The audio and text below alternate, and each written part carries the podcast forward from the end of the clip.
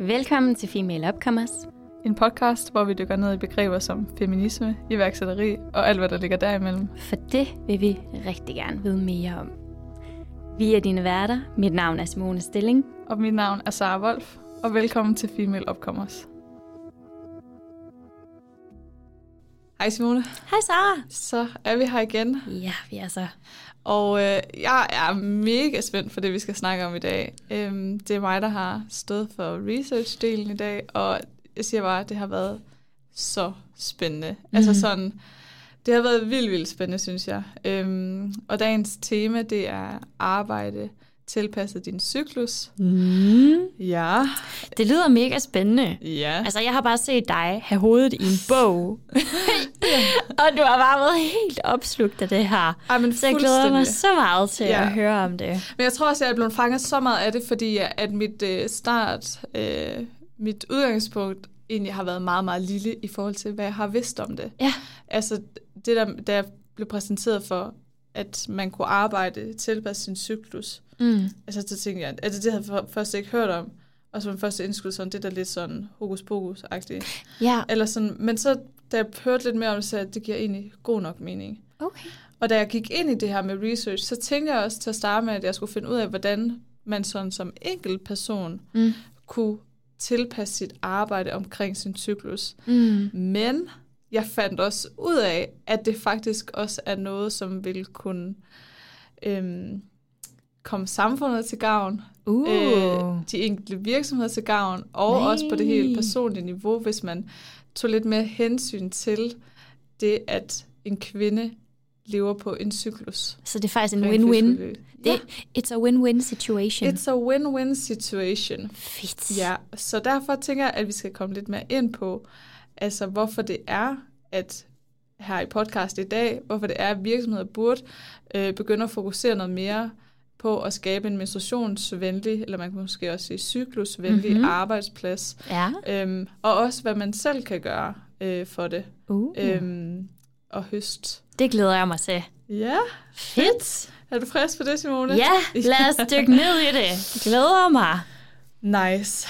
Fordi at der er nemlig en rigtig god artikel for Døfbladet om det, som både øh, har en læge med indover, som ligesom fortæller lidt om, hvad altså menstruationscyk, eller hvad menstruation egentlig er. Mm-hmm. Og vi er jo ligesom, altså halvdelen af befolkningen er kvinder, som er, eller halvdelen af, og halvdelen af den danske arbejdsstyrke er kvinder, mm. øhm, som øh, menstruerer regelmæssigt, altså som lever på en cyklus. Mm. Men det er der bare ikke rigtig nogen hensyn til Nej, på de fleste arbejdspladser. nej. Det tænker man ikke rigtig over, og det tænkte jeg i hvert fald heller ikke rigtig over, at det var en nødvendighed og noget, man burde gøre på arbejdspladsen, mm. fordi at de er jo bare sådan, som de er, og det er os, der må tilpasse os arbejdspladsen på en eller anden måde. Sådan er det, sådan er det jo ofte. Ja. Er det ikke det? Jo, ja, det tænker man jo. Mm. Altså, hvis man hører det her, så kan man hurtigt komme til at tænke som modargument, jamen, hvorfor skal arbejdspladsen tilpasse sig os? At vi kan da bare tilpasse os dem. Ja. Tag dig sammen. Ja, Ja. sætter sammen. er det ikke sådan lidt en tag dig sammen Jo. kultur? Jo, Ja. Og men, ja, men der er bare rigtig store gevinster at hente, både for arbejdspladsen og for en selv, mm. hvis man tog et nærmere kig på, hvordan man kan strukturere arbejdslivet, så det også tilpasser en kvinde Ja. øh, lidt bedre, fordi at det er jo egentlig, i tidernes morgen var det jo mænd, der skulle ud og være de primære forsørgere, og mm. arbejdsmarkedet blev også, også derfor struktureret efter øh, mænd. Apropos en tidligere podcast eller to, vi har lavet. Ja. og det tænker man jo egentlig ikke lige over, Nej. at den ikke er tilpasset os. Og, og jeg tænkte også heller ikke over til at starte med, at der var et, at der var et andet behov for kvinder. Altså sådan, jeg tror egentlig, at min vidensniveau omkring en cyklus og hvordan det fungerer, var så lille, at jeg heller ikke kunne se det behov og det udbytte, man kunne få ud af det, der er ved at arbejde med det. Mm. Men der er altså noget at hente der, Simone. Fedt. Ja. Nå, det lyder virkelig interessant. Jeg har en veninde, hun, øh, når hun får menstruation, så, øh, så kan hun simpelthen ikke stå op. Altså, hun, hun kan næsten besvime af smerte. Ja. Øh, og hun kan i hvert fald ikke komme på arbejde, når Mhm. hun får det sådan der. Nej. Og det er jo forfærdeligt. Ja, Og, og der kan det jo også, altså en af artiklerne kan være bare overhovedet at i talesætte det. ja. Altså kan være svært, fordi det er lidt sådan et, øh, et emne, man ikke rigtig skal tale om, Ja. øh, og som man kan forbinde som noget Mm-hmm. tabubelagt, og Ja. noget, der er øh, ikke så lækkert, eller sådan, det er lidt...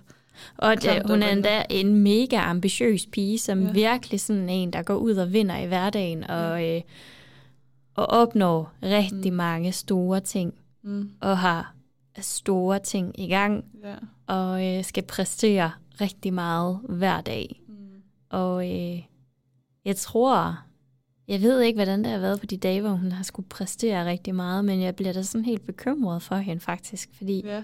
at når hun nu er så mega ambitiøs, så, så skal det jo helst ikke være hendes menstruation, der skal stå i vejen for hende. Mm-mm. Nej.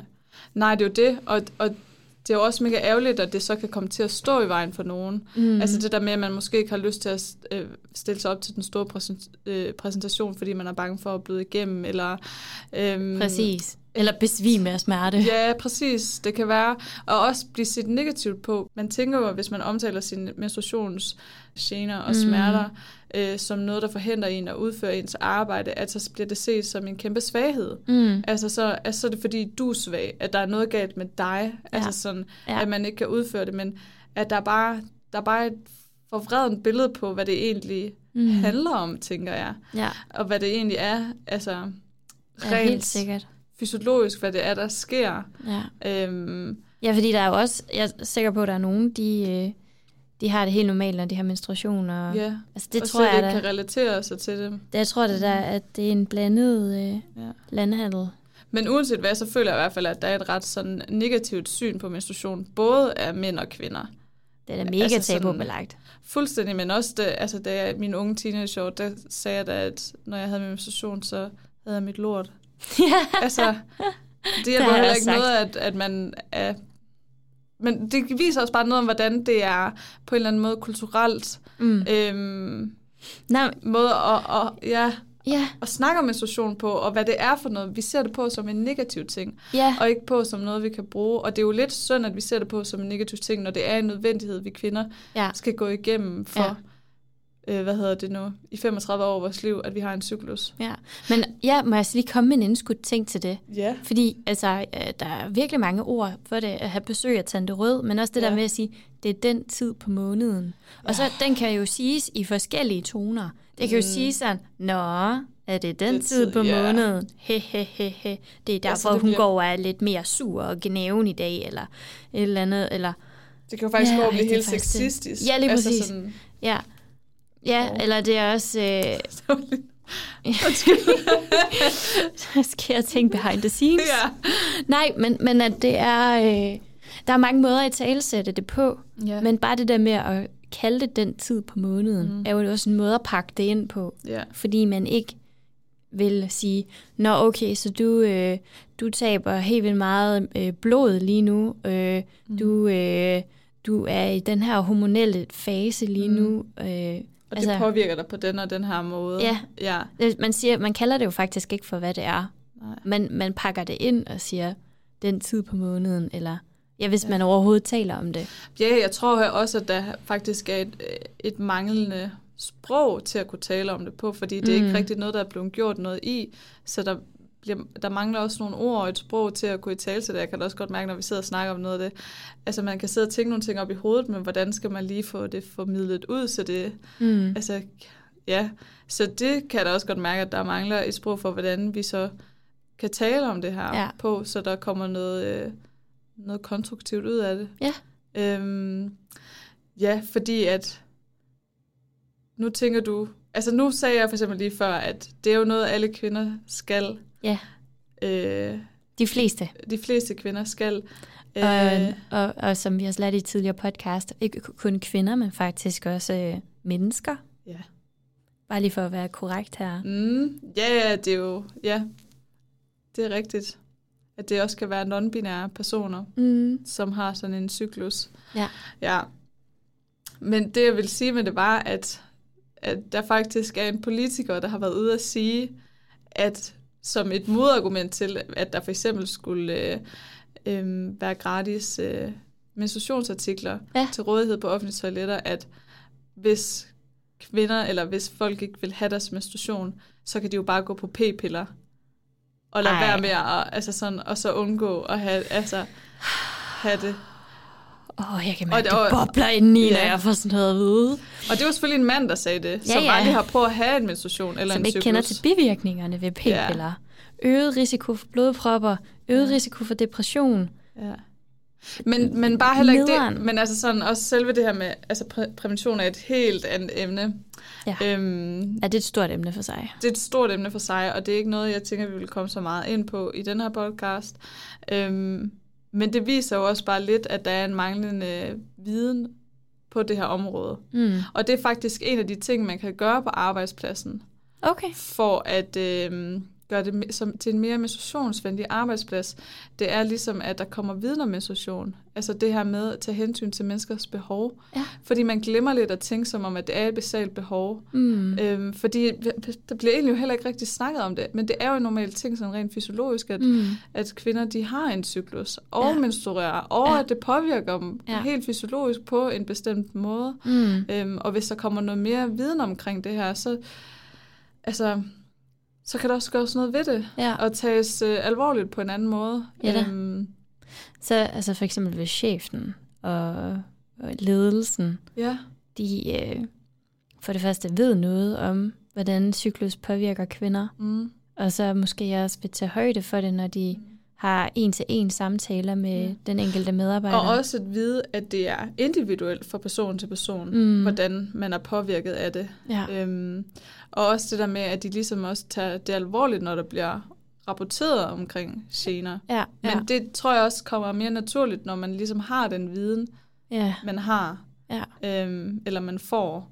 Mm. Mm. Øhm, men nu kan nogle af jer måske sidde derude og tænke, jamen altså, hvorfor skulle virksomhederne interessere sig for det? Altså, så kan man, altså, så, må, så, øh, så, kan de, så, så finder de nogen, der kan tilpasse sig, Ja. er stærke nok, eller sådan noget, Ja. Det sidder jeg også og tænker sådan, at hvis man er åben omkring, hvordan man er påvirket af sin cyklus, så kan det blive set ned på, fordi. Mm. at når man, så kan du ikke præstere på samme øh, Ja. niveau, som en anden medarbejder kan. Ja, præcis. Men det skal bare lige siges, at en kvinde kan præstere, eller kan lave det hele og præstere det samme i hele en cyklus. Mm. Altså, men at der bare er nogle gevinster hen, hvis man faktisk tager hensyn til, at der er en cyklus, der er forskellig. Øhm, Oh. Ja. fordi jeg tænker, noget som virksomhederne, de alle sammen kan forstå, det er, øh, når der sker noget på bundlinjen. Yes. Og ved at, at gøre arbejdspladsen mere menstruationsvenlig, Mm. så kan man faktisk se en positiv påvirkning på bundlinjen. Okay. Ja, så Okay, så de tjener altså flere penge. de tjener flere Basically. penge, hvis ja. de øh, gider gå lidt mere her op i det her. Og Okay. noget af det kunne måske forklare, fordi at øh, kvinderne får en bedre trivsel på arbejdspladsen, de får mm. også generelt en bedre livskvalitet og kan engagere sig bedre i deres arbejde. Mm. Og det tyder måske også på, at hvis virksomheden er god til at tilpasse sig Mm. øh, efter en kvinde også, og den måde, hendes cyklus er på, Mm. at det faktisk også kan være med til at understøtte, at der reelt set er nogle perioder i måneden, hvor man er bedre til at lave et stykke arbejde end et andet stykke arbejde. Men det kommer vi mere oh. ind på senere. Ej, spændende. Ja. Fordi at jeg tænker lige, at vi kan give sådan lidt mere konkrete ting på, hvad en arbejdsplads faktisk ellers kan gøre for at mm. tilpasse Ja, øh, sig til en, øh, det vil jeg rigtig gerne høre. Ja, og der er det nemlig, øh, Menses er en øh, svensk øh, organisation. Hvad hedder den, siger du? Øh, Menses. Øh, M-E-N-S-E-S. Ja, nu skal jeg lige være helt Det er jo sådan, jeg, det er jo faktisk sådan, jeg omtaler menstruation Ja. sammen med min mor. Det er noget, mig og min mor, det, så, det siger vi, at, øh, at man har minses. Man har Menses. Ja, Ja, altså, men, okay, Mensen. Undskyld. Nå, Den men- hedder. Mensen. Altså M-E-N-S-E-N. Ja. Ja. Mm. Og øh, de er simpelthen en, øh, sådan en NO, NGO-baseret Mm. organisation. okay. Ja, øh, som er svensk. Og deres sådan, hvad kan man sige, ambition eller målsætning er ligesom at, øhm, okay, nu læser jeg lige deres uh, citat op, fordi Mm. jeg kan mærke, at mit hoved ikke lige kan oversætte det på engelsk her på fod.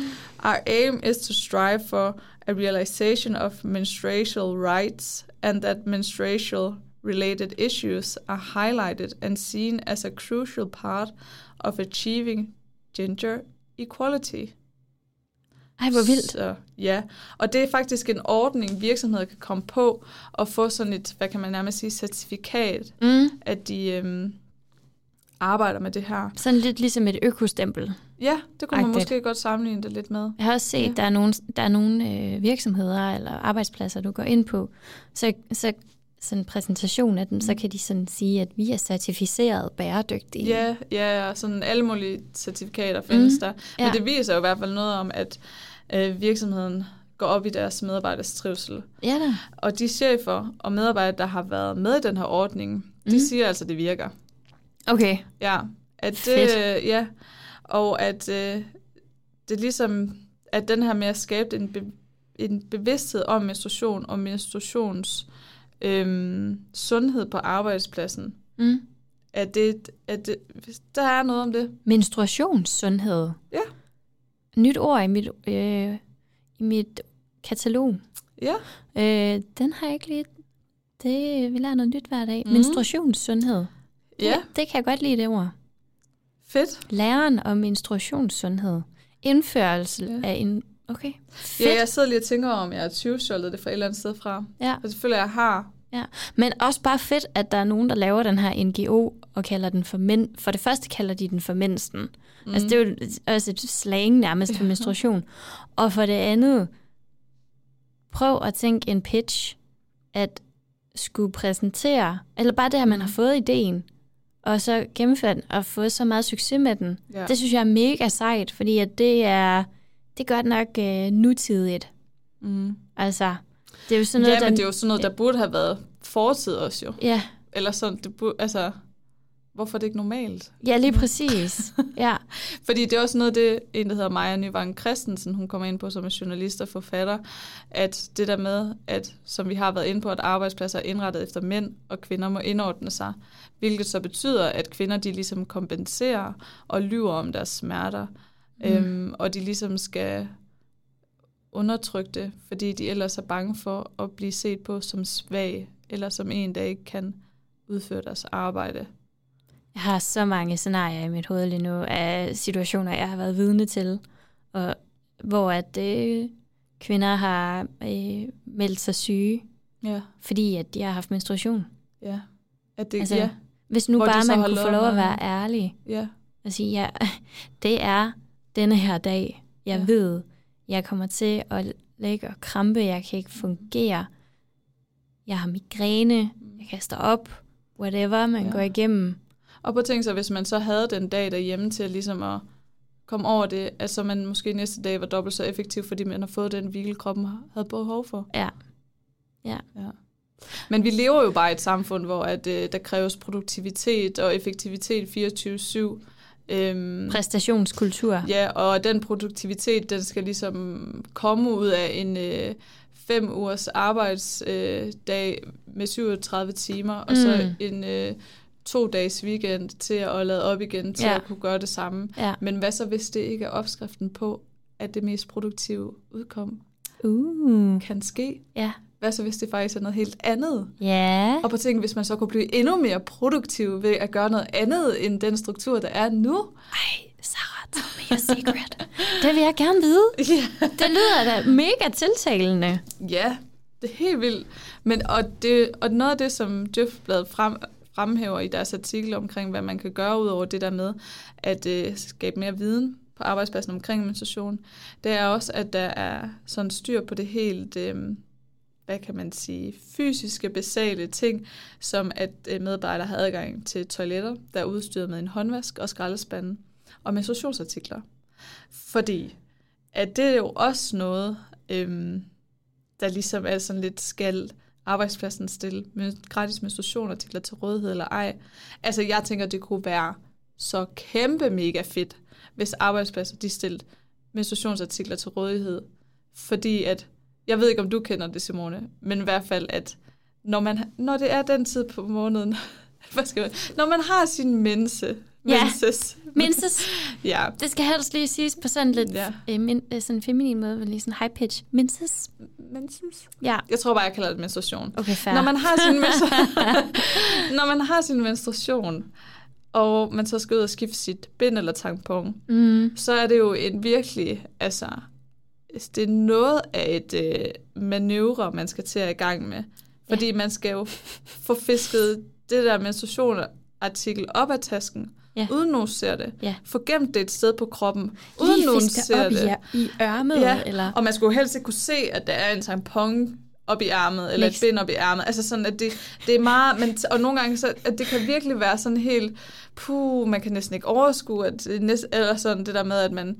Øh, ja, det, Det, minder mig også om, hvorfor er det, at de laver øh, bind og tamponer og pakker det ind i neonfarver.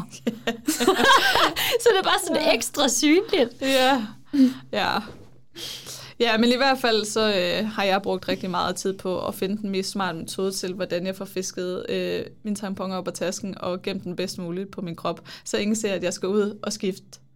Skal vi lave en podcast om strategier for, hvordan man nemmest og sikrest Men det burde jo ikke være sådan. Det burde jo ikke være sådan. Nej, Det, burde, jo ikke være, at sådan. man føler et behov for at skal skjule, at man har sin menstruation. Mm. Altså, Nej. Jeg har været på en arbejdsplads, hvor der primært var kvinder. Ja. Og der, øh, øh, der, det var ikke indført i virksomheden, at der var øh, de her artikler på toiletterne. Mm. Men, men jeg tror, at øh, en, en gang imellem, så var der nogen af os, der lige øh, sørgede for, at der lige stod en, nogle trusindlæg eller nogle tamponer ja. ude på toilettet. Og så var, så var det bare sådan, så kunne man bare tage just in case. ja. Ja, men det var jo af egen lomme, man skulle betale for det. Ja, ja, præcis. Og, det er jo, og der kan man jo tænke lidt sådan, hvis man stiller det lidt op. Prøv at tænke nu, hvis at vi alle sammen blev bedt om at medbringe vores egen toiletpapir på arbejdspladsen. Det er det vildeste, jeg nogensinde har hørt, tror jeg. Fordi at, helt seriøst, altså det der med, at man skal på toilettet, er jo et basalt behov for os alle sammen. Og, vi, øh, og for halvdelen af os er det også et basalt behov, at vi en gang om måneden bløder. Mm. Nå, men prøv at tænke, hvis man skal til at også have den diskussion i husholdningen derhjemme. Hvis man er mand og kvinder, der bor ja. sammen. Og manden, han, øh, han tør sig kun, når han har lavet bummelum. Men kvinden, hun skal altså bruge en del toiletpapir, når hun har menstruation. Og når hun også har lavet nummer et og nummer to. Ja. Så hun bruger jo mere toiletpapir end manden. ja. Så vi skal også, også til at diskutere, hvem der skal betale for det. Altså, nej, øh, nu kører jeg lige ud af en tangent, men det var Nej, men altså, jeg kan godt forstå, hvad du mener. Men jeg, og det føler jeg også, at der er meget, altså, har været meget øhm, debat om det der med, hvor mange flere udgifter en kvinde egentlig har mm. På sådan en personlig pleje end Ja. en mand. Men Ja. ja, øhm, ja another time. Men i hvert fald, at så siger de også, at man, arbejdspladsen kunne sørge for, at medarbejdere har et sted for, øh, eller et sted, hvor de kan ligge ned, hvis de har brug for det i deres pauser. Altså prøv at tænke det der med, at hvis nu at man er en, der har virkelig mange menstruationskramper, mm. og så øhm, man, man godt kan holde ud at være på arbejdet, men at det også er det der med, at man har en pause, mm. hvor man ved, at man har mulighed for at ligge ned. Ja, At det lige måske faktisk er det, man mangler for at kunne... ja.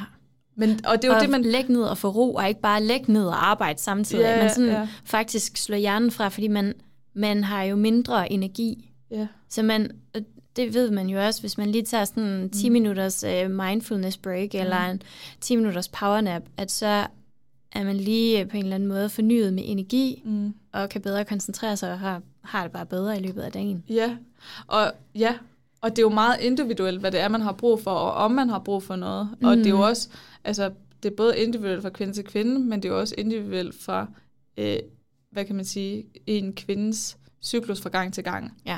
Så det, så det er meget forskelligt, og derfor er en anden ting, som arbejdspladsen kan gøre, det er ligesom at øh, opsøge viden hos medarbejderne om, hvad de har behov for, og komme Ja. med inputs til, hvordan arbejdspladsen kan gøre det, altså, kan gøre det øhm, bedre for dem. Mm. Ja, hvad der skal til, for at de kunne føle, at det var... Øh, Ja, så øh, arbejdspladsen, de faciliterer simpelthen, at medarbejderne, de kan bidrage til, hvordan at det kan blive en bedre Ja. arbejdsplads. ja, Ja, kæmpe skridt ja, i retning af at gøre det mere menstruationsvenlig arbejde, Ja. ja. til en mere menstruationsvenlig arbejdsplads. okay. Øhm, Menstruationsvenlig arbejdsplads. mm, Endnu et ord til mit, øh, til, mit, til min ordbog. Fedt. Ja. Øhm, Fordi, Menstruationsvenlig arbejdsplads. Ja, og det, jo, og det kan jo se ud på mange måder, alt efter hvad, for, altså, hvad medarbejderne siger. Mm. Øhm, men noget af det, som de også giver gode råd til, hvad man kan gøre på ens arbejdsplads, det er at give den her øh, fleksibilitet Mm. øhm, i arbejdet. Øh, for eksempel, at man kan arbejde hjemmefra Ja. øh, nogle dage, eller øhm, kan tilrettelægge deres arbejde, arbejde efter deres cyklus. Ja. Øhm, for der er nogle arbejdsopgaver, der måske egner sig bedre til nogle tidspunkter på måneden end nogle andre. Ja, ja, ja. Og det vil jo til sidst give et bedre resultat i sidste ende. Helt sikkert. Ja. Ja, så alt hvad der hedder sådan notatarbejde, besvare mails, sidde og researche på et eller andet, eller øh, hvad det nu er, der skal laves, som man, eller programmering, hvis man nu er i tech, øh, det kan man, der kan man arbejde hjemmefra. Ja, og det er nemlig... Øhm, ja, Online møder. Ja, og det, er jo, og det, det fører videre til det næste, Simone. Fordi hvad er det så for noget arbejde, der ejer sig til de forskellige tidspunkter af en cyklus mm. i måneden? Ja, det kan være, at vi skal tage en pause, og så øh, vende tilbage til øh, Det lyder som en god idé. de fire faser. Ja. Yes. Vi er er- tilbage efter en kort pause. Yep. Godt så. Så er vi tilbage på pausen, Simone. Yes. Og øh, vi slap ved noget, vi sagde, de fire faser. Mm-hmm. Øh, og så kan man sige, hvad er de fire faser? Men det er simpelthen fordi, at man øh, kan se, at en kvinde er i nogle forskellige hormonelle tilstande øh, i løbet af sin cyklus. Okay. Og en cyklus varer jo øh, som regel 28 dage. Den mm. Kan godt være kortere, og den kan godt være længere, og det er helt normalt. Mm-hmm. Øhm, og jeg, var bare, altså, og jeg, jeg tror, jeg vil... Nej, okay. ja, og derfor at det, øhm, vi skal til at fortælle om nu, det Mm. vil øh, tage udgangspunkt i en cyklus, der var 28 dage. Okay. Og jeg har fået min inspiration, eller mit research, der har jeg dykket øh, meget ned i en bog, der hedder Dit Hemmelige Våben, Ja. af Nana E. Bal Stiegel og Leila Torsheim. Torsheim. Det lyder meget sådan nordisk. Ja, og jeg, jeg beklager meget for min udtale. Jeg er virkelig dårlig til at uh, udtale nye ord eller navne, jeg ikke kender eller har udtalt før. Fair. Men ja, det er i hvert fald den bog, jeg har øh, læst i, og jeg sad seriøst og, og læste den på en dag. Ja. Altså, men jeg bog, altså, det var fra da jeg stod op til jeg gik i seng, der havde jeg overhovedet i den bog. Og øhm, Jeg kan bare huske, du kommer ind i inkubatoren, og så er du bare sådan, jeg har bare læst den her bog på en dag. Jeg har bare sådan, hvem læser en hel bog på en dag? Jeg, jeg gør ikke. Hvem gør sådan? det er mega sejt, Sarah, og det skal du bare vide. Jeg synes, det, jeg beundrer dig for det. tak.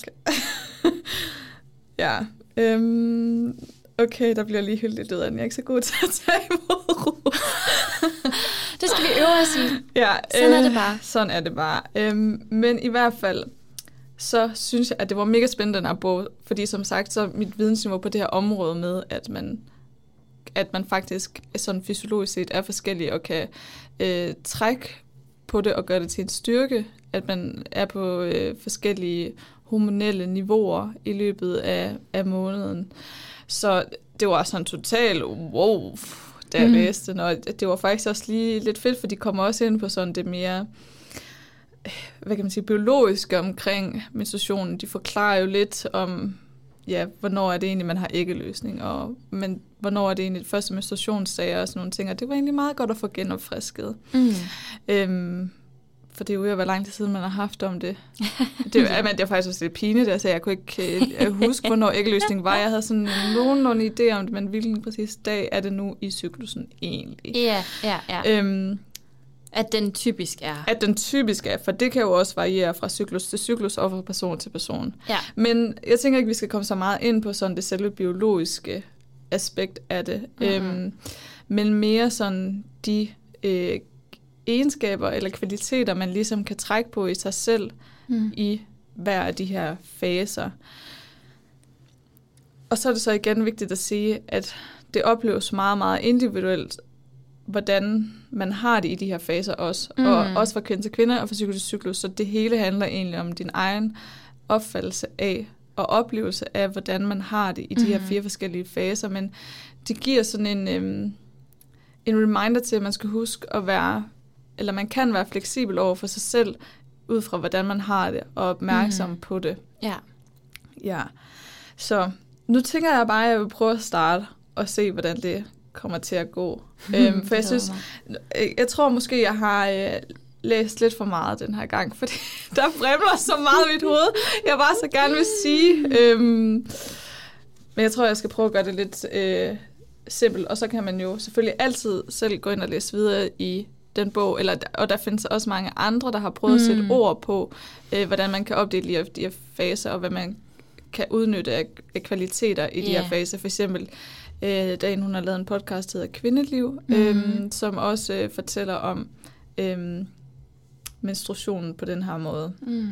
Eller en cyklus. Nu siger jeg meget menstruation, men det er jo en cyklus. komme med noget indskud? Ja. Der er noget af den her viden, som er sådan lidt pseudoscience. Mm. Er det ikke det? Og så er der noget af det, som er meget sådan videnskabeligt baseret, altså hvordan er vi påvirker vores hormoner, mm. og så nogle af de der tips, som man kan møde ude i verden, når man besøger mm. en Instagram-profil, mm. eller sådan, hvis man begynder sådan at gå mere ned i det her cyklus, ja. leve efter sin cyklusagtigt, så, så kan man godt komme til at møde meget pseudoscience på sin vej. Kan man ikke godt det? Mm, det tror jeg. Altså nu har jeg... Øh jeg, jeg synes egentlig lidt, jo, man skal være påpasselig, når man læser det, fordi at der er noget af det, der helt sikkert er lidt pseudoscience, altså det er ikke noget, der sådan er videnskabeligt vist. Men, ikke, nej. Men, men jeg vil sige, mange af de ting, altså det der med... Altså for eksempel, du skal drikke den her urtete, når det er sådan, at du har menstruation. Ja, for eksempel sådan noget. Ja, sådan ja. Noget, og, det, og det bringer mig faktisk sådan noget vigtigt også i den her bog her, fordi at nu studerer jeg jo øh, til klinisk diætist, mm. og de har et afsnit i den her bog, hvor man ligesom, hvis, hvis nu man har lidt rod i sin cyklus, man ja. bøvler med lidt nogle menstruationssmerter, eller noget uregelmæssigheder, eller, ja. eller andre ting, så øh, kommer de ind på, hvordan man for eksempel øh, skal spise. Ja. Øhm, og der vil jeg bare sige, at, at de har, det, de stiller det meget øh, skarpt og sort-hvid op, ja. og jeg vil ikke sige, at det er sådan korrekt, korrekt, det de mm. skriver, mm. og det er det, man skal øh, leve efter og gøre. Øhm, der skal man virkelig være påpasselig med mm. de råd, som der kommer med, ja, eller der ja, kommes ja. med for at kunne gøre det, fordi det er der ikke sådan noget videnskabeligt belæg i. Altså Ej. det er der ikke noget evidens for, fordi det er ligesom et samsurium af så mange forskellige ting, der går ind og påvirker hinanden, og det kan være vidt forskellige grunde fra person til person, hvad det er, der gør det. Ja, ja. Så det afsnit i bogen, hvor der ligesom står, jeg kan ikke engang huske, hvad det hedder, men det er, det sidste, det er den sidste del i bogen, hvor de kommer med nogle kostråd. Råd, ja, for eksempel nogle kostråd, men også nogle, nogle andre råd til, hvordan man kan øh, øh, spise. spise, for eksempel, hvis nu man har rod i sin cyklus. Ja. Øhm, men det vil jeg i hvert fald sige, det skal man tage med i grænsalt. Ja. Øh, og det så jeg kan ikke sige, at det er helt ernæringskorrekt, det de skriver, mm. men der kan, altså noget af det, det er kompliceret. Ja. Øhm, man kan blive inspireret, man kan, man blive, kan være. Man kan blive inspireret, og jeg blev i hvert fald insp- rigtig meget inspireret af den måde, de ligesom omtalte de fire faser på, og hvad det var, man så kunne bruge de fire faser til. Ja. Øhm, og den første fase, øh, de har med, nu skal jeg lige prøve at finde mine noter her, men det er egentlig også fordi, at jeg gerne vil sige, at de har noget, der hedder en cykluslog. Okay. Som man ligesom kan bruge som hjælp og redskab ja. i de her fire faser til at navigere, hvordan man har det, og hvad man måske kunne få brug for. Ja. Øhm, som jeg tror faktisk også kunne være et godt redskab, hvis man prøver at arbejde med det her. Mm. Øhm, men det findes der også flere af derude i forskellige varianter. Ja, sådan apps for eksempel. For eksempel, ja. Nå, tilbage. Mm. Øhm, ja, vi starter med det, med fase 1, og de kalder det det indre forår, men det kan hedde mange forskellige ting. Altså jeg er sådan lidt... Vi siger bare fase 1. Jeg mm. tænker, vi kalder dem fire faser. Og så, det er fra menstruations ophør og frem til tiden til æggeløsning. Så det er cirka dag 5 til dag 11 i cyklusen. På en cyklus, der var øh, 28 dage. Mm. Og her siger de, at det er en god periode til at introducere en ny livsstil. Eller gå i gang med et nyt projekt, Øh, og der har man sådan meget fokus på den ydre verden, at det der også ens opmærksomhed er. Øh, og det føles øh, rart at være socialt. Øhm, Mm. og det føles for eksempel rart, når man har sin Ja. menstruation. Øh, og det er faktisk også øh, øh, en, en periode, hvor vi øh, kan trække på noget kreativitet. Okay. Ja. Øhm, Så det er ægløsningsfasen, det er fase 1. nej, det er ikke ægløsningsfasen. Det, eller det er sådan en, det, de går lidt over hinanden, fordi at det, er sådan, at det er tiden op til ægløsning. Okay. Ja, så der omkring det, fordi Nå, lige æggeløsning, efter menstruation. ja, altså det er fra menstruationsophør, og så tiden op til æggeløsning. Så okay. Fra dag 5 til 11, og man siger jo, at man har æggeløsning omkring dag 14. Ja. Ja, så det er sådan der, det ligesom begynder. Ah. Øhm, ja, og man siger, det også, altså foråret, der kan man ligesom øh, associere det med, at det er tiden til at så et frø. Ja. Øh, og øh, det er her, vores østrogenniveau stiger, øh, og livmorslimhinden begynder at blive bygget op. Øhm, Aha. og ens energi, den er sådan åben og dynamisk, øh, og man er, det er godt, at man er i gangsættende, altså man har lyst til at Mm. være i gangsættende og entusiastisk. Ja. Så øhm, her siger det, at man, her kan man prøve at eksperimentere, og bare lade alle sine idéer øh, få frit løb. Ja. Og, øh, øhm, og så siger de så, eller det råder de jo altid, at man så, når den her fase er ved at være slut, så, så kigger man på sine idéer, mm. og så, øh, så, så, så vælger man den, man sådan vil fokusere videre på. Ja. Fordi nogle gange, så kan man jo godt have helt vildt mange idéer. Ja. Og så, har- så er det, dulmer det bare heroppe, og man har lyst til, at der skal gøres noget ved dem alle sammen. Og så Lige lige, pludselig, så finder man sig selv i sådan en... Ja. Ja. Så det bliver, der- kan man slet ikke overskue det, ja. Og så bliver der ikke rigtig gjort noget ved nogen af dem. Ja. Så derfor siger de, at man skal prøve at vælge sit store ja. Nå. Ej, jeg er i mit indre forår lige nu. Uff. Så det er faktisk lidt spændende. Ja. Ja, jeg er i hvert fald meget mere oplagt i dag, end jeg var i sidste uge. Ja. Ej, okay, mega fedt. Ja. At du kan mærke det, eller sådan, at man faktisk kan mærke det på sin krop. Jeg kan i hvert fald godt mærke, at der er en forskel på, hvordan jeg havde det, da jeg var i, da jeg havde menstruation, og så til, hvordan jeg har det nu. Ja. Ja. Ja, det er lidt spøjs. Altså, jeg mærker ikke så meget. Nej. Men det er også fordi, at jeg, øhm, jeg, jeg er på p-piller. Mm. Mm. Så de siger, at det skærmer lidt Ja, for at mærke sådan sin reelle ja. cyklus. Altså, man kan stadigvæk godt øh, arbejde ud for det her, og Mm. mm. sikkert også mærke det, men man skal være opmærksom på, at det måske ikke matcher lige så godt på en eller anden måde. Ja, okay. Ja, Så det er sådan good to know, når man lytter med her, hvis man er på p-piller, Mhm. at så, øh, så er man sådan lidt skærmet i forhold til ja, at kunne mærke de her forskellige årstider, man, ja. Man har Ja. indre årstider. Men derfor kan man sagtens arbejde med dem stadigvæk. Okay, Ja, fedt nok. og det, tænkte jeg også, at det vil jeg da prøve. Det kunne da være fedt at give det et forsøg. Ja. Altså, hvad, den, hvad der vil komme ud af det, hvis man prøvede at, at tilrække lidt, lidt efter, hvad, hvad de her årstider, de, Ja da. øh, de kan, eller ja. faser. Øhm, øh, hvad man nu vil kalde det. Øhm, men nu, det var, jeg ved faktisk ikke, om vi fik sagt det altså tydeligt nok før. Altså det der med, at der er nogle af de her ting, skal man virkelig være på passe med, fordi det godt kan være lidt pseudo, Mm-hmm. øh, og ikke sådan er fuldstændig videnskabeligt belæg for. Mm. Men der er også sådan nogle af tingene, hvor der er noget altså videnskabeligt hold i det. Ja. For, altså det der med, at man ved, når ens hormonniveau er på nogle forskellige Ja. stadier, så påvirker det en fysiologisk Ja, på en eller anden måde. ja, ja. ja. Og det er der også lavet nogle ting med i forhold til hjernen og sådan Ja, ja, noget. ja. Øhm, Ja. ja. Så når man har øget østrogen i kroppen, så har man det på en bestemt måde, versus Ja. når man har øget progesteron i kroppen. ja, præcis. Eller når man har lavt niveau af begge, og Ja, ja, ja. ja, alle sådan nogle ting. Ja. ja. Øhm, men igen, det er forskelligt fra person til person. Ja, det må man sige, det er jo øhm, individuelt, den meget slags. individuelt. Ja. Ja, og så øhm, hvis vi lige skal øh, ramme st- en styrker op Ja. i den her periode Ja. af, af første fase, altså det indre forår, så er det optimisme og øh, nye idéer og boblende kreativitet, fokus og mental skarphed, villighed og lyst til at prøve nye ting af, af en form for produktiv naivitet, Mhm. mm-hmm. na- naivitet, Produktiv naivitet. Ja, naivitet. Ej, det er svært at sige. Det er sygt svært at sige. Og så en øget fornemmelse af selvværd og selvtillid, legesyg og eventyrlyst, og så fornyet vitalitet. Og så kommer de faktisk også med nogle faldgrupper for Okay. øhm, det indre forår. The og det er, at man skal passe på med at dræbe drømmene for tidligt.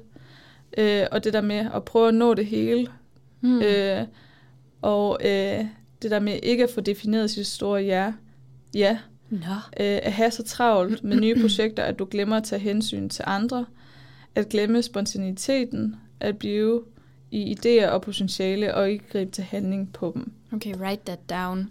Mm. Hvis man sidder derude og tænker, ej, det her det er vigtigt at vide, så skriv det lige ned. Så hvis det er, at man er i sit indre forår, så skal man lade idéerne flyde, og så skal man lægge mærke til, hvad for en idé, der fylder allermest, som man har allermest ja, ja på. Mm. Og så samtidig, så skal man passe på med at være og bare tage handling på alle idéerne på én gang. Mm. Er det ikke lidt det, der bliver sagt? Jo, det der med, at man, skal, øh, man kan ikke nå det hele. Nej. Ja. Og det, det, det, det er okay, at Ja. man ikke kan nå det hele. Mm. Ja. Mm. Tænker okay. Okay. det, det opsummerede du meget godt. Øhm, så når vi så er forbi det indre forår, Mm. så kommer indre sommer, Nå, fase 2. fase 2. Og det er tiden omkring æggeløsning. Ægløsning. Altså jeg ved ikke, hvorfor det skal hedde æggelø- ægløsning. Dag 12 til dag 20. Ja, Og- jeg synes, det, jeg synes, det er sødt, du kalder det for æggeløsningen. det er bare, du ved godt, det hedder æggeløsning, Ja. du har øvet dig på at sige æggeløsning så mange gange, og så alligevel så kommer du til at sige æg, Ja. æggeløsningen. Jamen, jeg har noget med ord, seriøst. Altså, jeg, også, jeg siger også baguette. Nej, buget. Buget? Ja, det er baguette, baguette, buget. Altså, jeg kommer til at bytte om på det nogle gange. Altså, det er simpelthen for mærkeligt. Nå, Færre. Jeg byttede om, om på farverne grå og brun, da jeg var lille. okay. Altså sådan at sige dem, eller Ja, at kunne se kunne, dem? Ja, jeg kunne ikke kende forskel. Det var, okay, det var ja. den samme farve op i mit hoved. okay. Nå, men i øh, fase 2, indre sommer, som de kalder det, der er energien øh, høj, åben, lystfuld og udadrettet også. Og her øh, piker østrogen simpelthen. Uh. Ja.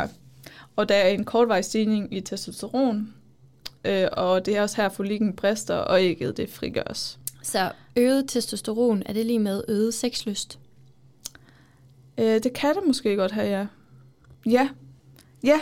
Det, men det tror jeg faktisk, at jeg hørte øh, i den der podcast Kvindeliv, Ja. at hun snak, snak, og det er faktisk også mega sjovt det her, Mhm. mm-hmm. at det er som om, at øhm, både kvinder og mænd sådan rent ubevidst mm. Mm. ved, at de er på deres, at, der, at de har deres æggeløsning, fordi sådan rent biologisk, så vil man jo Mhm. gerne øhm, øh, få, Have sex. have sex, så Mhm. man kan få et afkom, eller Ja. et afkom i, Ja. den, i den periode. Så altså sådan, det er så mærkeligt, øhm, jeg ved ikke lige, hvordan jeg skal for, forklare det, men mænd, Mm. de for eksempel øhm, bliver mere tiltrukket af kvinder, der er på deres øh, ægløsning. Nå. Ja, altså sådan, de kan mærke det på en eller anden måde, og Ej, de sådan sjovt. ubevidst også reagerer på det. Og Nå. kvinder på samme måde.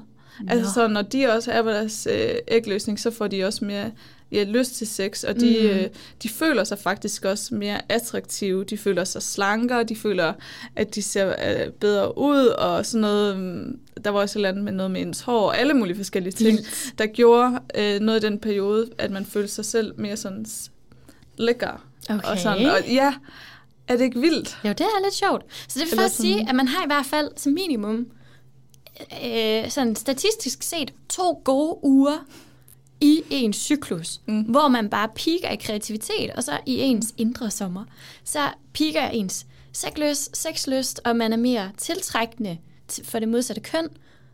Og, og hvad er man mere? Jamen, altså, man føler sig... Altså, um, ja, det var faktisk ikke lige helt det, jeg ville ind på i den her, fordi... At, men...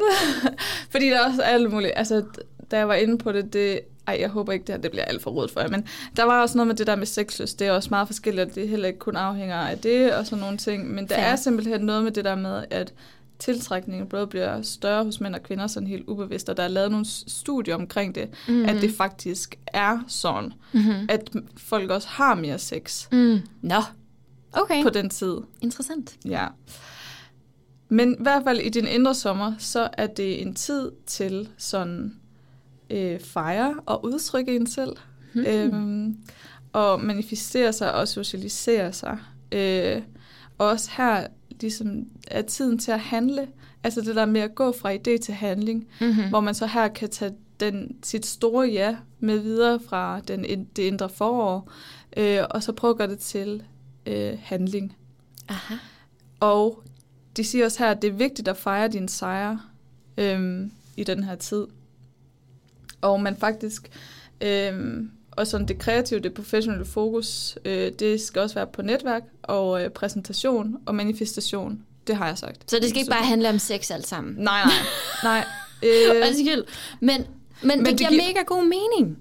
Giver det ikke også god mening, at det der med, at øh, for eksempel netværk og præsentation, at det er også noget, man sådan professionelt kan have fokus på, fordi når man føler sig mere tiltrækkende, Mm. altså man har det bedre i sin Mm. krop, og øh, så, øh, så har man også mere selvtillid til at gå op og øh, lave en præsentation, Ja, og til at møde nye mennesker, Ja da. og netværke og socialisere sig. Ja, ja. Men ja, man har altså... Øh, Man har større selvtillid simpelthen. Ja, og ens energi, den er høj, åben, lystfuld og udadrettet. Altså jeg tror, hvis jeg tænker tilbage på mit, mit indre sommer. Mm. Mhm. Jeg tror, altså fordi at man har jo nogle, jeg har nogle tider, tidspunkter på måneden, hvor jeg bare er mega produktiv. Ja, Hvor at, altså jeg, jeg forestiller mig lidt, at når jeg er i den fase der, hold kæft, jeg er travlt. Mm. Fordi at jeg, jeg, har, ud, jeg har gang i alt muligt, og, øh, og, jeg, og jeg gennemfører bare ting mm. øh, med meget større lethed, Mm. end på andre tidspunkter på Ja. måneden. Ja. Og det er jo også lidt, altså fordi at man kan virkelig, øh, man kan, som du siger, så er man gang i mange ting, og kan få mange ting på handling, men noget af det, man skal være opmærksom på, altså en af faldgrupperne i det Ja. fasen, er, at man ikke kommer til at brænde ud på sommerens høje energi. Nå. Altså det der med, at man bare kan mærke, at man har den energi, og så bare køre, køre, køre, køre, køre, køre, og så, øh, så er man sidst bare sådan helt uh, færdig. Eller sådan. Så kan det også være måske, at den der næste fase kommer til at ramme en lidt hårdere, eller man ikke får udnyttet det fulde potentiale, fordi man kommer for hårdt ud Shit. på en eller anden måde. Giver det mening? Fuck, jeg er totalt skyldig i det der. Det, det, det, kom, det kan jeg godt komme til. Ja. Ja. Men kan du så mærke, har det nogen negativ effekt? Altså kommer det til at at have en negativ effekt på dig? Men det ved jeg faktisk ikke lige nu, Nej. fordi at, at hvis... Fordi så gør det jo ikke noget. Altså, hvis du føler, du har energien til det, og du ikke føler, at du bliver brændt ud af det, så skal du bare... Jamen, der er jo, altså, ja, man har jo perioder i sit liv, hvor der er nogle ting, der bare er så mega interessante, at man ikke kan slippe det. Mm.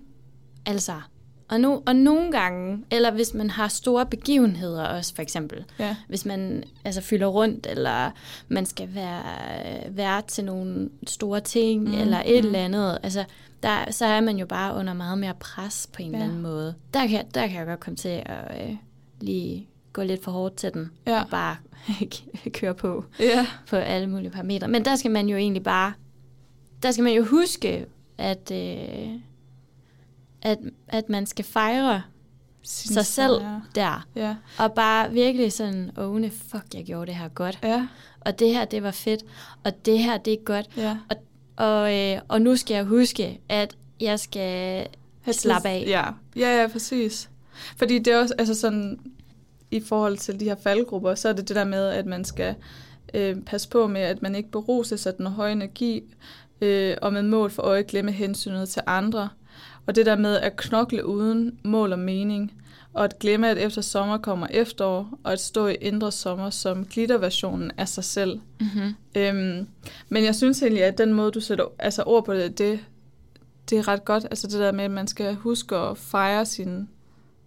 Sine små sejre. Ja, Mm. og så øh, Eller sig selv bare- lov til at hvile bagefter. Mm. At der er også plads til, at man så skal give ned, efter Ja. at man har øh, fyret så meget energi af. Det er jo meget interessant. Ja, fordi, fordi hvis efter sommer så kommer efterår, mm. hvor man så begynder at give ned, der kan man jo så Ja. faktisk planlægge. At man, give har, ja, at man har nogle andre former for arbejdsopgaver, eller Mm. mm. sætter noget tid af til sig selv til et eller andet. Men lige inden vi går videre til det indre efterår, så øh, for at lige sådan øh, understrege øh, eller eksplificere Mm-hmm. øh, styrkerne i indre sommer, så er det det her med peak i energi og selvværd, handlekraft, altså man får gjort noget fra hånden, og, øh, og alt synes muligt. Mm. Det er jo også ret fedt at have den mentalitet. Ja. Øh, og så overskud energi til andre. Sexlyst er ofte højere her. Mm-hmm. Du er god til at være på. Mm. Øh, du er udadvendt, øh, og du er diplomatisk og god til at netværke.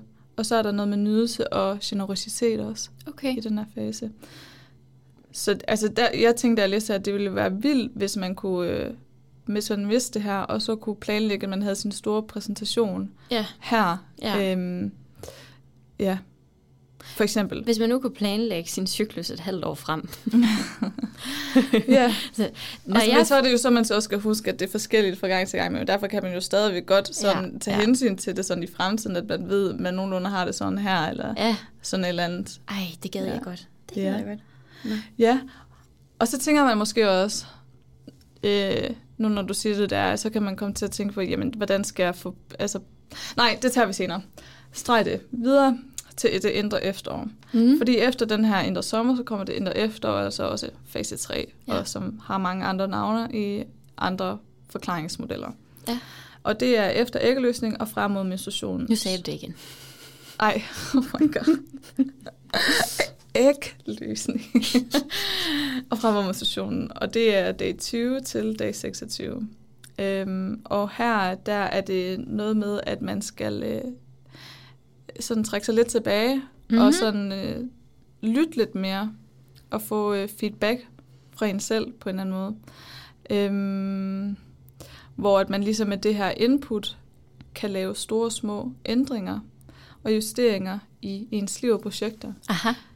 Og det synes jeg faktisk var mega fedt. Altså det der med, at man har en tid bagefter til ligesom sådan at sige, "Huh, okay, nu prøver vi lige at evaluere på det her Ja, lige præcis. projekt. Var, Ja. det, var det sådan, som jeg havde tænkt? Var det fedt? Er der noget, der skal gøres om? Eller sådan, uh, fordi at nogle gange, så kan man jo godt løbe så stærkt, at man glemmer, hvad man løber stærkt for. Ja. Altså, og sådan, synes man overhovedet, at det er fedt Ja. og sjovt. Ja. Eller, ja, så lige give sig selv lov til at sådan, uh, evaluere på situationen. Ja.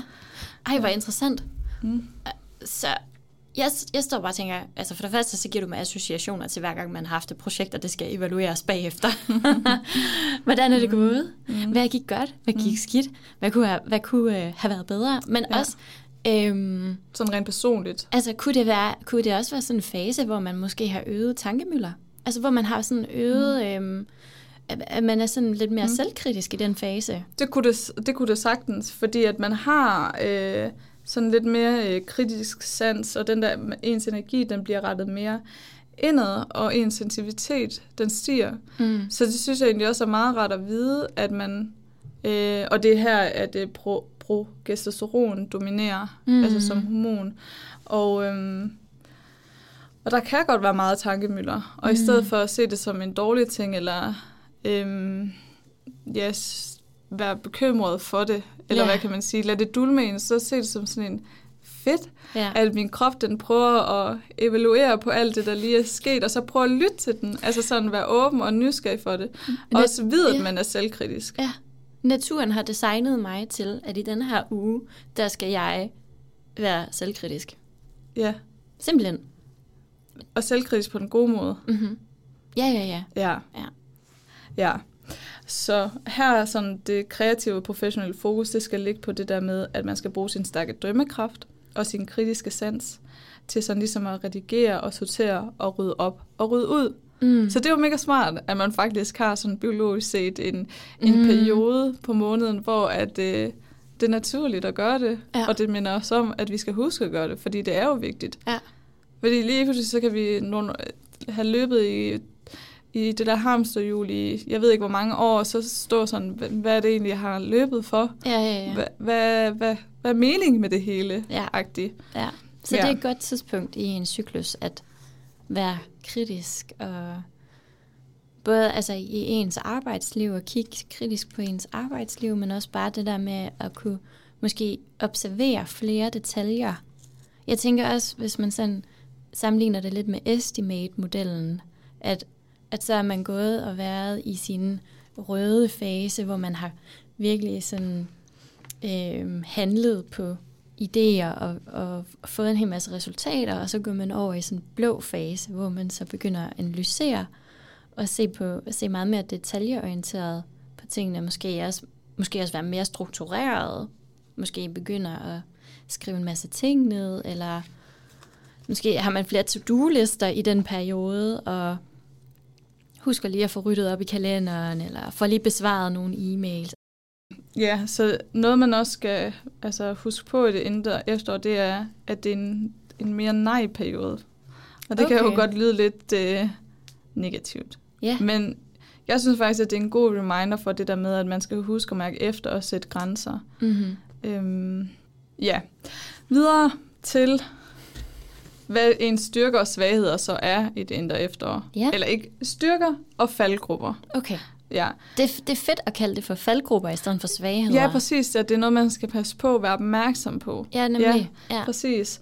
Så noget af det, man skal være opmærksom på, det er at øh, bide tænderne sammen og fortsætte med sommeren super kvindehastighed. Altså man skal huske Ja. ja. det der med at sætte tempoet ned. Ja, ja, ja. Øhm, og så skal man øh, passe på med ikke at holde sig selv kørende på koffein og sukker, indtil man crasher med hovedpine og enorm træthed ja. eller massive humørsvingninger. Ja, Og så hvis man en, altså en faldgruppe er også, hvis man ignorerer det her behov for langsomhed og ro.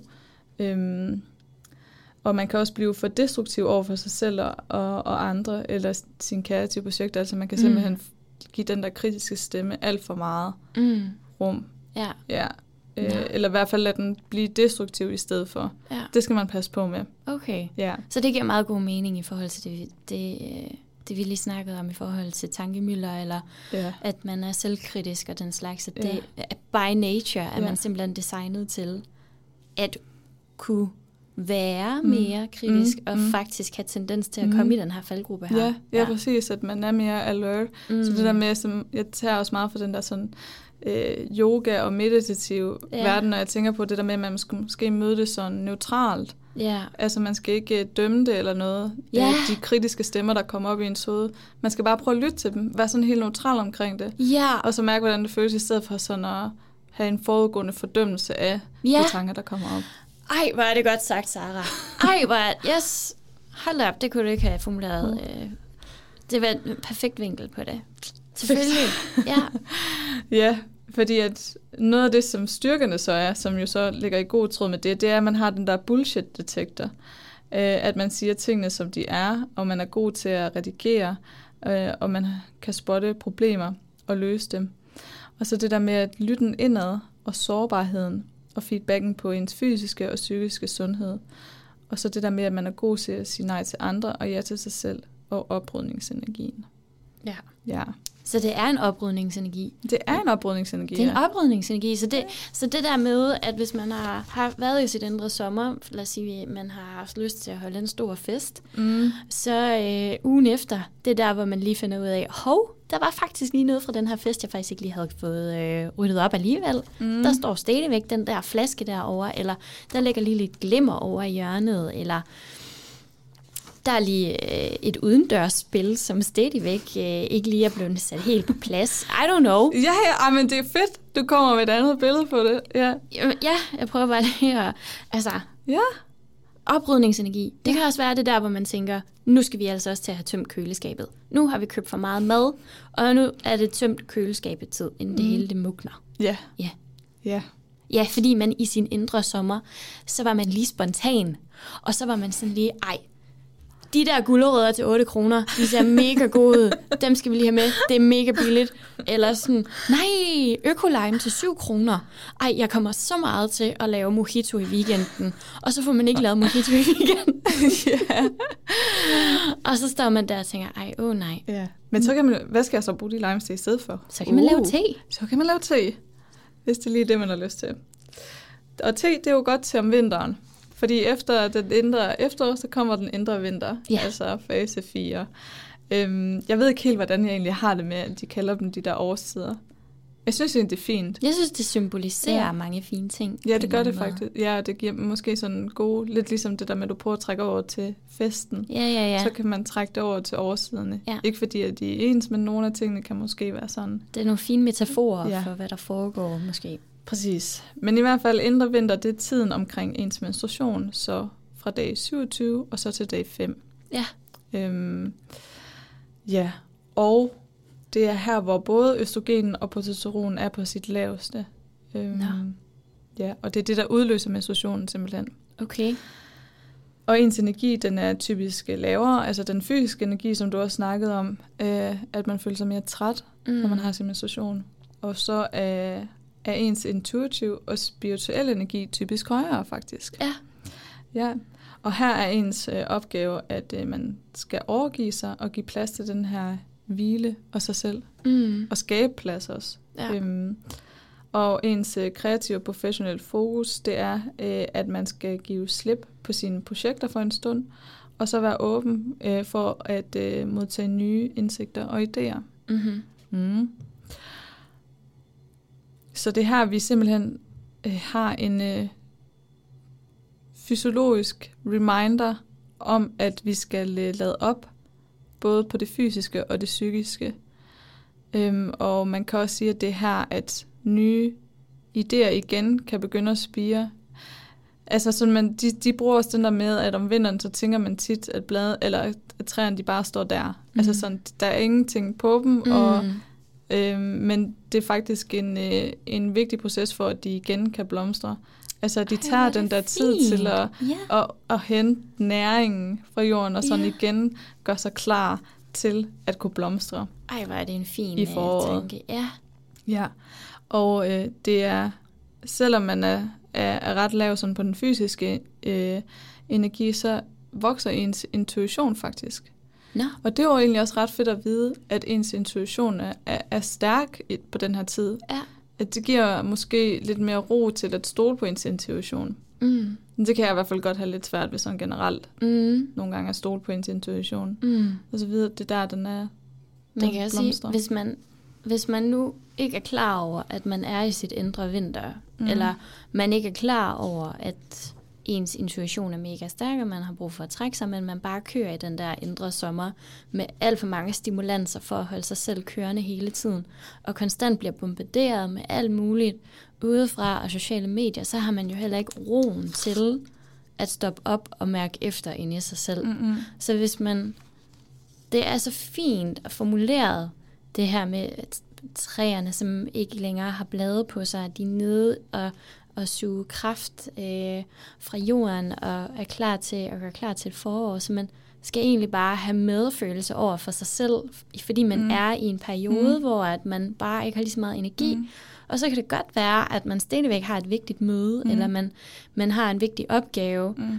Øhm, og man skal ud og præstere, men så er det bare, så skal man bare måske have sådan lidt mere medfølelse med sig selv, og, og, øh, og bare lade være, og så måske i høj grad sige nej til Ja. ting. Lige i denne her periode her, fordi at, Ja. at man ved bare, at det er energien bare overhovedet ikke til. Mm.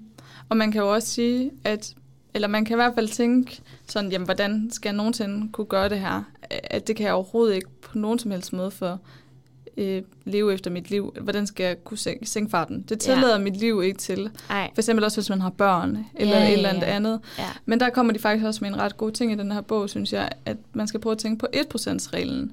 Aha. Så det kan godt være, at du ikke kan implementere det hele 100%, og det er heller ikke meningen, du skal implementere det hele 100%. Men Ej. det der med, hvordan kan jeg bare få 1% af det ind? Ja.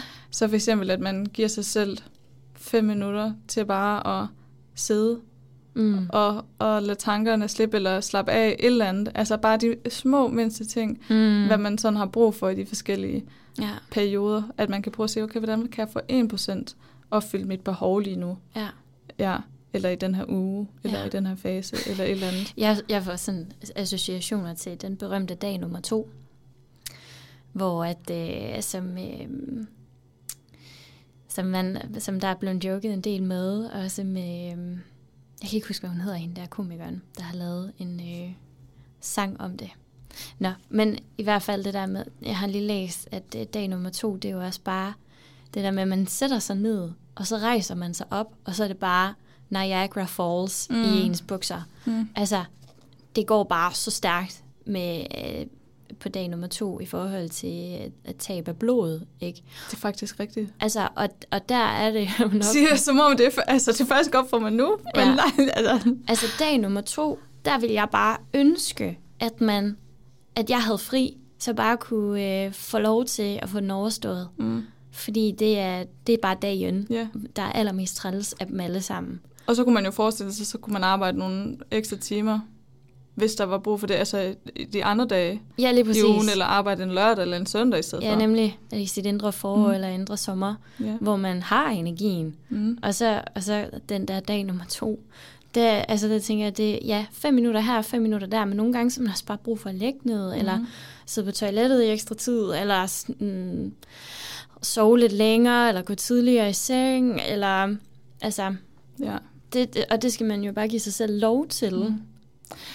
Fordi noget af det, der faktisk også kommer som en fordel, når man giver sig selv lov til at hvile, Mm. øh, det er, kender du ikke det der med, at du nogle gange har et problem, eller sådan et eller andet, hvor du bare skal finde en løsning på det, og man kan bare ikke, altså man kan slet ikke komme i tanke om noget, og det hele det er bare ved. Og så lige pludselig, når du så lader være med at tænke over det, Mm. så kommer det til dig. Ja. Og det er faktisk noget af det der med sådan, at hvis du giver dig selv lov til pause, Mm. og, øhm, og, og modning af dine projekter. Altså det der med, at man slipper knokleriet for en stund, hvis man kan sige det sådan, mm. Så giver man plads til, at øh, nye løsninger og resultater, de kan komme sådan helt intuitivt og Ja. ubesværet. Ja. Jeg prøvede for eksempel for ikke så lang siden, jeg havde skulle skrive en stor opgave, tror jeg det var, og så var jeg bare, jeg kunne bare slet ikke komme videre. Jeg kunne slet ikke se, hvordan jeg lige skulle komme videre. Så Mm. tænker jeg, okay, nu tager jeg en pause, og så tog jeg noget, sådan noget meditationsmusik i ørerne, Mm. og så lå jeg bare og kiggede ud af mit vindue, Ja. Og så sådan lige pludselig, der gik ikke så lang tid, så poppede der bare idéer mit hoved. Så blev jeg nødt til at sætte mig hen Ja. og skrive noget ned på min computer igen. Så lagde jeg mig lige over lidt mere. Oh, så kom der lige en ny idé-agtig. Ja, ja, altså det ja. der med, når man lige pludselig bare giver slip, ja. øhm, så kommer det ubesværet. Det er sjovt, ikke? Mm. Altså, det er jo også sikkert et eller andet med hjernen, at, at jo mere man prøver at tænke på noget, ja. som man for eksempel ikke kan huske, Ja, også det, ja. et, en sang eller et navn eller et eller andet, altså, det er ligegyldigt, hvor meget du prøver at tænke på det, du ikke kan huske. Det kommer ikke frem. Mm-mm. Du er nødt til at give slip på det, og så skal du lige vente fem minutter, eller tre dage, eller et eller andet, og så lige pludselig så popper det op i hovedet. Ja. Nå ja, Ja. det var jo det. Det, ja, Ja. præcis. Så en styrker i den indre vinter, det er den her indre stillhed, og den øgede intuition og kontakt Mm. øh, med ens indre visdom, kalder de det i bogen. Og så oplevelser af øh, enhed og dyb intimitet, og så download af visioner og klarhed over de næste skridt, store som små, som man kan tage i sin næste cyklus. Og så mulighed for at genoplade batterier og oprette energi, øhm, og så øh, kan der også være noget klarhed på livsformål og vej i livet, og uanstrengt, uanstrengt nærvær, og så træner man evnen til at modtage. Spændende. Ja, og faldgrupperne i indre vinter, det er, at man kører på, som man plejer, Ja, og at man øh, drukner årstiden i øh, sukker og serier, ja. skriver de. Mm. Ja. Så de der cravings der, Mm. når man har mindst, det er, øh, det er faktisk en faldgruppe. Ja, Altså altså Eller der, et tegn på, at man ikke har passet på sig selv, og man har et øget brug for stimulanser, for, fordi man egentlig ikke respekterer eller har nok omsorg for sig selv. Ja, at man ikke giver sig den hvile, kroppen har brug for. Mm. Ja. ja. ja. Fordi øh, altså sådan helt biologisk, så er ens appetit også større, når man har sin, altså i dagene op til ens menstruation. Mm. Så der stiger ens, så det er naturligt, at man har lyst til noget mere Ja, okay. af forskellige ting. Men det er vel også fordi, at når man taber blod, så taber man jo for eksempel jern, men der er vel også mange andre mineraler, magnesium og, og sådan noget, som man også i underskud af. Det har jeg i hvert fald hørt, og det er Ja. derfor, at man craver chokolade specifikt, fordi at der er magnesium i chokolade. Okay. Ja, så, så det er derfor, man craver specifikt chokolade. Det vil jeg sige, det tør jeg ikke at kommentere mere på, Det er måske pseudoscience. fordi at det kan være pseudoscience, ja.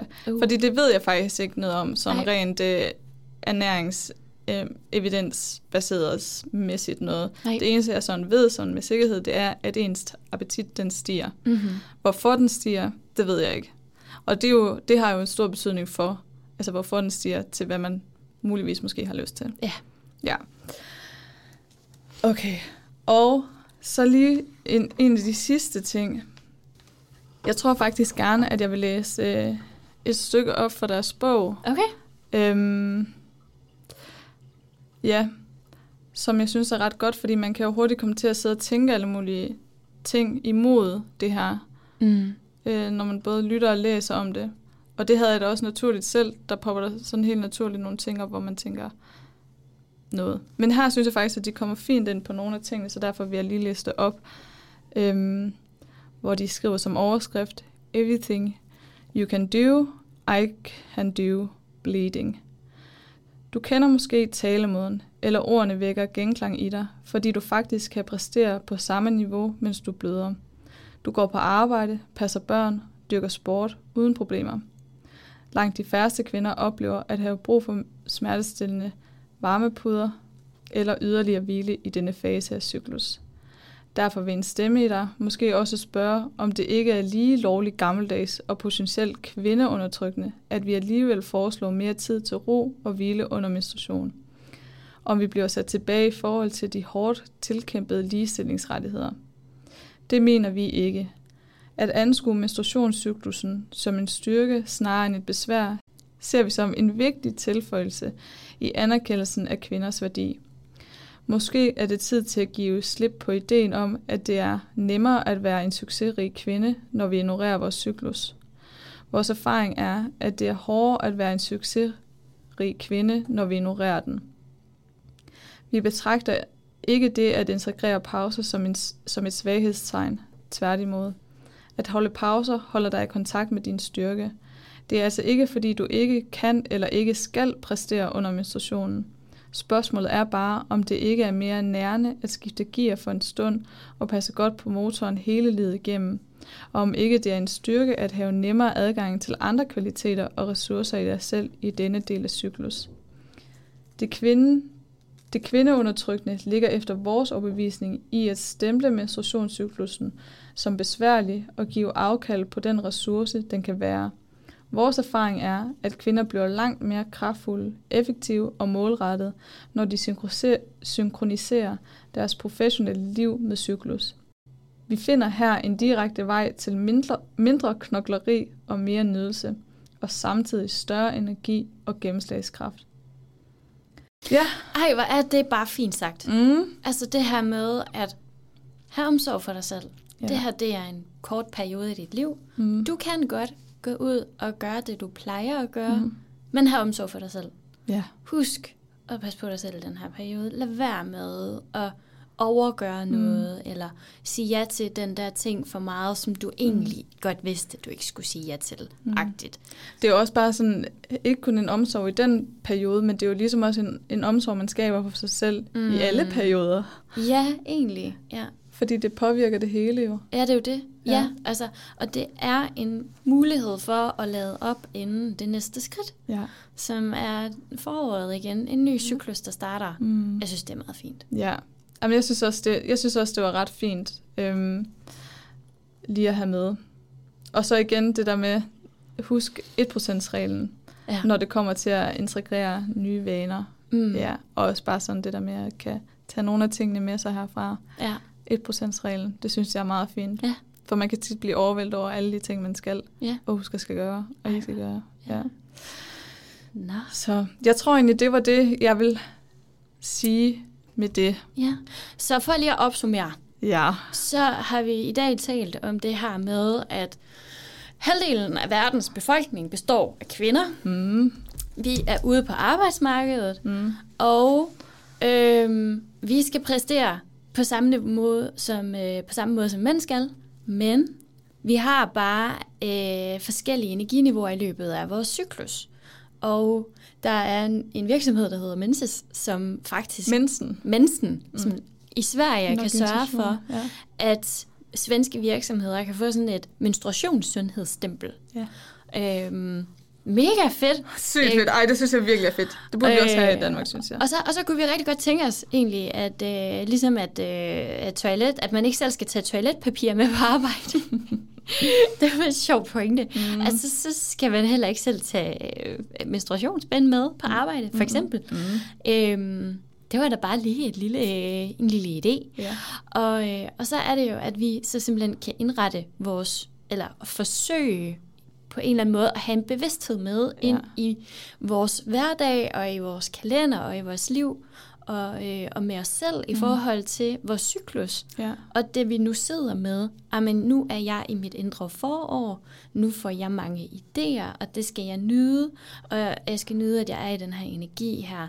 Og så køre det indtil, at man øh, ja, rammer sommer, indre sommer, hvor at man virkelig kan eksekvere på, i, på øh, energien, og så indre for efterår, hvor at man så begynder at trække sig og evaluere, og så vinteren, hvor man slapper af, mærker efter, lytter til sit, sit ind, øh, sin intuition og sit indre, og lige mærker efter, hvad er det, der er rigtigt og vigtigt for mig. Og så starter det forfra. Ja. Og nu er jeg jo i mit indre forår, så jeg, Ja. jeg har jo brygget på en lille, på en lille fargåde, Sahara. Ja. Det glæder mig til, at du sagde det godt, inden vi begyndte at optage. og Jeg spurgte, prøv at spørge dig til, hvad det handlede om, eller bare få en lille ting, men der kom ingenting ud af dig. Okay, Sara, den er, øh, altså, den er lidt plat, men nu, hør, nu, nu kommer den altså. Okay, Sara, hvilket kælenavn fik Karsten, efter han havde røget pot en hel dag? Det ved jeg ikke. Pot, Karsten. Okay. Han er ikke plat Jo, den er virkelig plat. til vores podcast. Ja. Åh, ja. ja. Ja. Jamen, øhm, Jeg synes selv, det er sjovt. tak fordi I lyttede med til denne podcast. Ja. Vi håber, at øh, I vil lytte med en anden gang. Vi siger tak for nu. tak for nu.